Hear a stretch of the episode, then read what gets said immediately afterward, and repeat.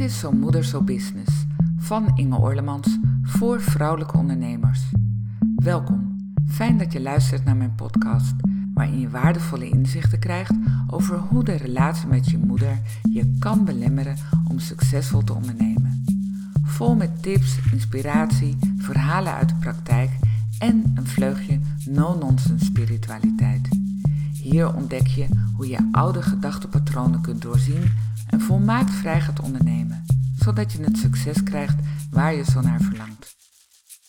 Ha, leuk dat je weer luistert naar een nieuwe aflevering van Zo Moeder, Zo Business. En deze keer wil ik het hebben over hoe zo'n belemmerende overtuiging kan ontstaan en hoe het later, als je hoog en breed volwassen bent, van invloed kan zijn op je business. Ik neem een voorbeeld uit mijn eigen leven. Het is eigenlijk een heel simpel voorbeeld. Iets wat iedereen nou, gelijksoortig in haar jeugd heeft meegemaakt. Een heel eenvoudig verhaal. Ik ben de jongste van vier dochters en was ooit een heel verlegen en gevoelig meisje. Nou, mijn vader was weggelopen en het was bij ons thuis helemaal niet leuk. Ik voelde allerlei dingen, verdriet van mijn moeder, gedoe, maar ik begreep niet wat er nou precies aan de hand was. En ik probeerde zoveel mogelijk om onzichtbaar te zijn, zodat ik niemand in de weg liep en nou, vooral deed ik alles om mijn moeder maar weer blij te maken. Ik werd thuis dromelotje genoemd, want ik was, nou ja, niet de aanpakker in de familie. En dat is een understatement. Ik was niet zo handig. Ik, uh, ik was gewoon een beetje een suffertje. Nou, en ik denk dat het voorbeeld waar ik het over wil hebben, dat dat de eerste kerst was nadat mijn vader was weggelopen. Nou ja, uh, we moesten er natuurlijk iets van maken met elkaar. En mijn moeder was bezig met koken. En toen vroeg ze mij of ik de slagroom wilde kloppen voor het toetje. En ik weet het nog heel goed, want mijn moeder die vroeg haar te helpen en ik groeide van trots. Ik mocht echt helemaal nooit iets doen. Ik was hartstikke onhandig en ik had drie oudere zussen die het allemaal al tien keer gedaan hadden voordat ik er überhaupt naar had gekeken.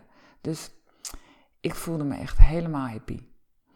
En ik zie me nog zo staan, in de keuken, met het oliekacheltje op een stoel, omdat ik nog veel te klein was om bij het aanrecht te kunnen. Ik denk dat ik een jaar of acht was of zo. Zo'n granieten aanrechtblok, misschien dat je daar nog herinneringen aan hebt als je net zo oud bent als ik, met zo'n zwart-wit geblokte gootsteen. En ik kreeg een schort voor met van die, zo'n mooie strik en ik groeide met de minuut. En voor me stond een grote kom met slagroom. Nou, wat schepje suiker erin, mixer in de hand. En mijn moeder zei, en ik kan me echt nog zo goed herinneren: Pas op, maak er geen boter van. Boter? Huh? Ik had echt geen flauw benul wat dat betekende. En ik liet het zomaar een beetje zo langs gaan, weet je wel, zo van oké. En dan ging ik helemaal gebiologeerd door de beweging van de mixer, dat je langzaam ziet dat eh, die, die vloeibare massa dat dat wat dikker wordt en die wolkjes die het zo maakt en die crèmige kleur. Ik vond het echt geweldig. En toen ging het een klein beetje brokkelen en toen ging het nog wat meer brokkelen. En toen kwam mijn moeder de keuken in en die ging helemaal uit het dak. Ik zei het nog zo, pas op, geen boter ervan maken. Je hebt de hele slagroom verpest. Suffert, uilskuiken, en daar zaten we aan de kersttafel, zonder vader en met een moeder die nog maar weer eens een wijntje inschonk. Met boze zussen die elkaar aanstoten over het drinken van mijn moeder. Nou, dat was ik, iets waar ik helemaal niets van wist. Ik had geen idee waarom mijn moeder steeds raarder deed en steeds gekker ging praten. Dat, dat, die spanning van die zussen. Ja, en geen toetje. In 2014 begon ik met mijn online onderneming.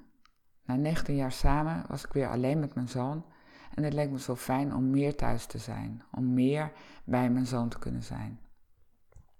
En ik was toen eigenlijk al jaren ZZP'er, maar op een andere manier. Ik werd als senior consultant ingehuurd door bedrijven en door gemeenten en ik deed er allerlei klussen op het gebied van management, interim management, verandermanagement, crisismanagement, allemaal op managementniveau.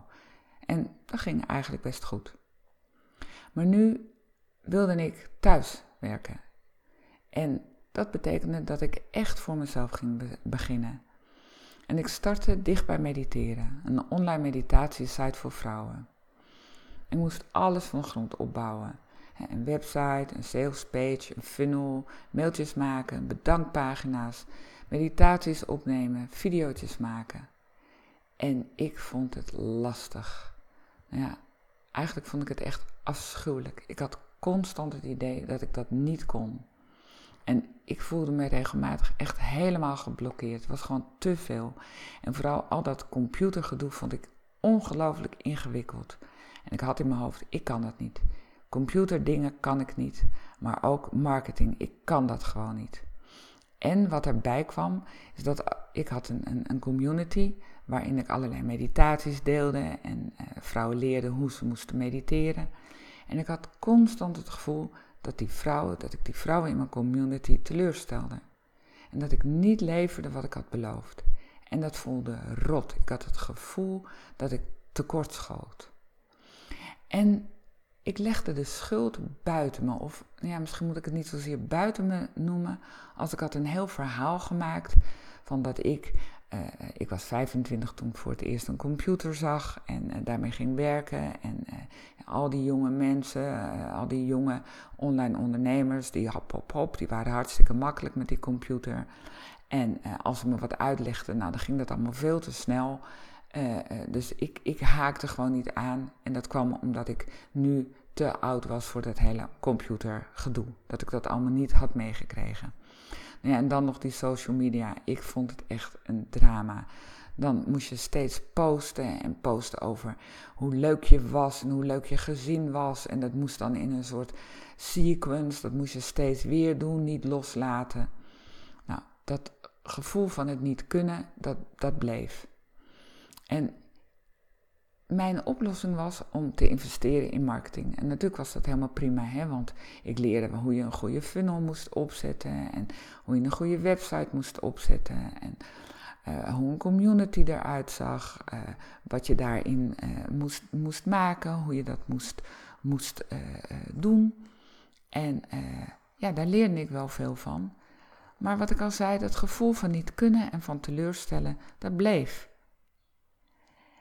En ik had geen plezier in mijn bedrijf. Het voelde als een struggle, als een constante struggle, als het vechten, als iets wat ik niet kon en waar ik in vastliep. Maar ik wilde het zo graag. Ik wilde zo graag die vrijheid om thuis te kunnen zijn, meer thuis te kunnen zijn. Dat was ik wel, maar inkomen, homa. En eigenlijk best heel laat ontdekte ik dat het niet te maken had met marketing of met dingen niet kunnen, maar dat het te maken had met een oud gedachtepatroon. Iets wat in mijn hoofd zat. En dat was raar, omdat ik heel veel ervaring had met belemmerende overtuigingen. En ik had ook heel goed geleerd hoe mij dat hielp in nou, bijvoorbeeld mijn relatie, in de opvoeding van de kinderen, in natuurlijk het omgaan met mijn moeder. Daar had ik heel veel voordeel uitgehaald.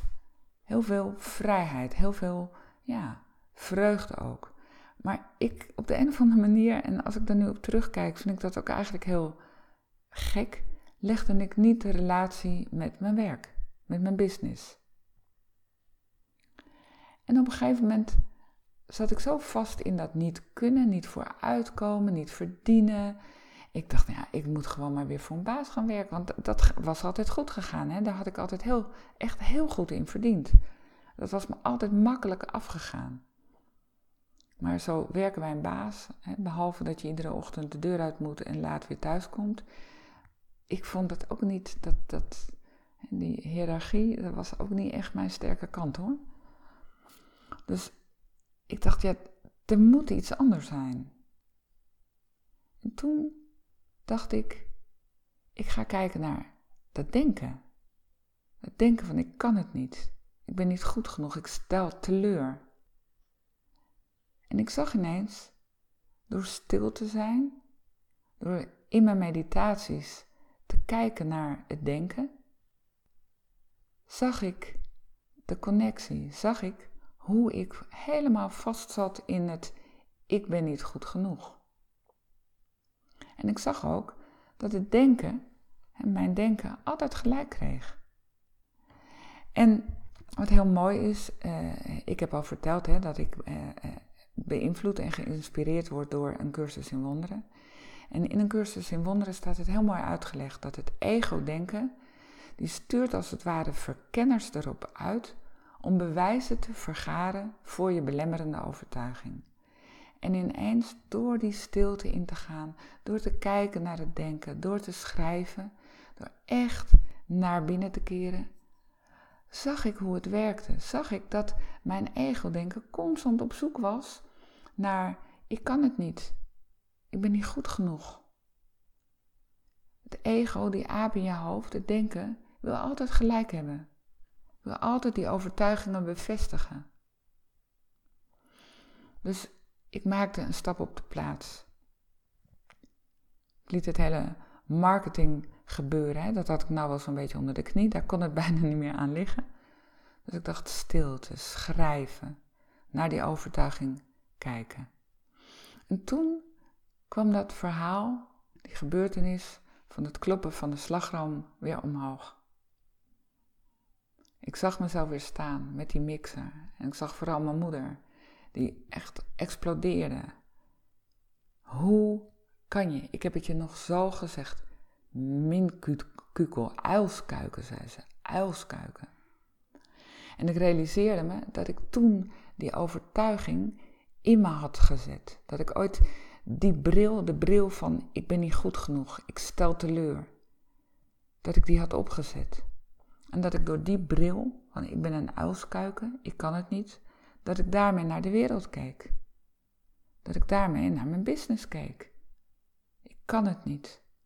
Dus wat er ook gebeurde, ik gebruikte als het ware die hele marketing, die hele sales circus zou ik bijna willen zeggen. Social media, alles wat ik nodig had waar ik niet vertrouwd in was, gebruikte ik als een soort bewijs om te zien dat ik het inderdaad niet kon. Dat ik een uilskuiken ben. Dat ik niet goed genoeg ben. En dat het niet de waarheid is over wie ik ben. Want in die meditaties, in dat stilte, en met meditatie moet je niet denken aan dat ik een half uur in uh, rare wolken op de grond ga zitten, maar echt in het introspectie, het in stilte zijn, schrijven. Wat gebeurt er? Wat denk ik nu? Wat geloof ik nu over mezelf? Ik kan het niet. Ik ben een uilskuiken. Het woord uilskuiken. Maar ik realiseerde me, ja, dat is niet de waarheid over wie ik ben. Het is een oude gedachte. En ik leef nog steeds in die gedachten. En ik kan me verbinden met het denken, met de gedachten, maar ik kan me ook verbinden met het wezenlijk zelf. En als je je verbindt met het ego, gaat het altijd over angst. Het ego wordt gevoed door angst. En de angst was natuurlijk, ik doe het niet goed, ik stel mensen teleur, als ik ze teleurstel, dan komen ze niet meer bij me, dan verdien ik geen geld, dan word ik afgekeurd, dan ben ik alleen, dan ben ik verlaten, dan gaat het allemaal helemaal mis. En voor mij ook een grote overtuiging, straks worden mensen boos op mij. Boos, de boosheid van mijn moeder. Mijn moeder was zeker in haar uh, alcoholisme, als ze dronken was, boos. En zei ze akelige, afschuwelijke dingen. Straks worden ze boos op mij. Straks krijg ik boze klanten die ontevreden zijn. En dan gaan ze tegen andere mensen zeggen, krijgen akelige dingen op social media. En ik had het altijd een beetje verstopt. Verstopt in mijn denken, verstopt in hoe ik met mijn business omging. Dit was wat er gebeurde. Dit was wat ik dacht. Maar in plaats van me te verbinden met mijn ego, kon ik me ook verbinden met het wezenlijk zelf. En het wezenlijk zelf wordt altijd gevoed door liefde. Door de onveranderlijke liefde. Door wat je wezenlijk diep van binnen bent. En door te kijken naar dat denken, naar de oude gedachtenpatronen, gevoed door mijn moeder, ik ben een uilskuiken, en te doorzien dat het een verhaal was, kon ik dichter bij mezelf kijken, komen en zien dat het niet de waarheid is over wie ik ben. Er met mildheid naar kijken. En ja, ik noem het maar terugstappen. Terugstappen in dat wezenlijk zijn. Terugstappen in die zachtheid, in dat gevoel van ruimte, van vrijheid. En van daaruit kijken naar de dingen die langskomen. En de gedachte, ik ben niet goed genoeg of ik ben een uilskuiken, die gedachte komt nog steeds terug hoor. Het is niet zo dat het nu weg is. Want als ik iets doe, of nou, bijvoorbeeld als ik een podcast inspreek, of wat ik ook maar doe in mijn business, dan denk ik ja, eigenlijk kan ik het niet. Maar meteen, ik herken de gedachte. Ik herken de gedachte omdat het niet vrij voelt. Dus als ik een gedachte heb die me onvrij maakt, dan weet ik, hé, hey, ik zit nu in het ego-denken. Ik, ik volg nu, bijna als een, een soort van uh, gekkigheid, volg ik die aap in mijn hoofd, die me aankwebbelt. En me allerlei dingen vertelt die niet de waarheid zijn over wie ik wezenlijk ben. En dan weet ik, ik kan terugstappen. Ik kan terugstappen naar het wezenlijk zijn. Terugstappen naar die ruimte, die zachtheid. En ik ben iemand die makkelijk voelt. Ik ben een voeler. Dus ik, ik stap bewust terug naar het gevoel van ruimte, van licht. Van het feit dat ik veel groter ben dan mijn lichaam. Dat ik lichter ben, ruimer, zachter, milder. En als ik vanuit dat gevoel podcast inspreek of een mail maak of hè, een, een salesgesprek aanga, dan weet ik dat ik me niet laat leiden door de aap, dat ik me niet laat leiden door het ego-denken, maar dat ik me laat leiden door liefde. Natuurlijk, dat vergt oefening, maar het is iets wat relatief vrij makkelijk is. Het is een, iets wat je je moet aanwennen. Het is een gewoonte. Bij alles wat ik doe in mijn business stap ik eerst terug naar dat, ja, naar die liefde, naar die zachtheid, naar dat wat wij wezenlijk allemaal diep van binnen zijn.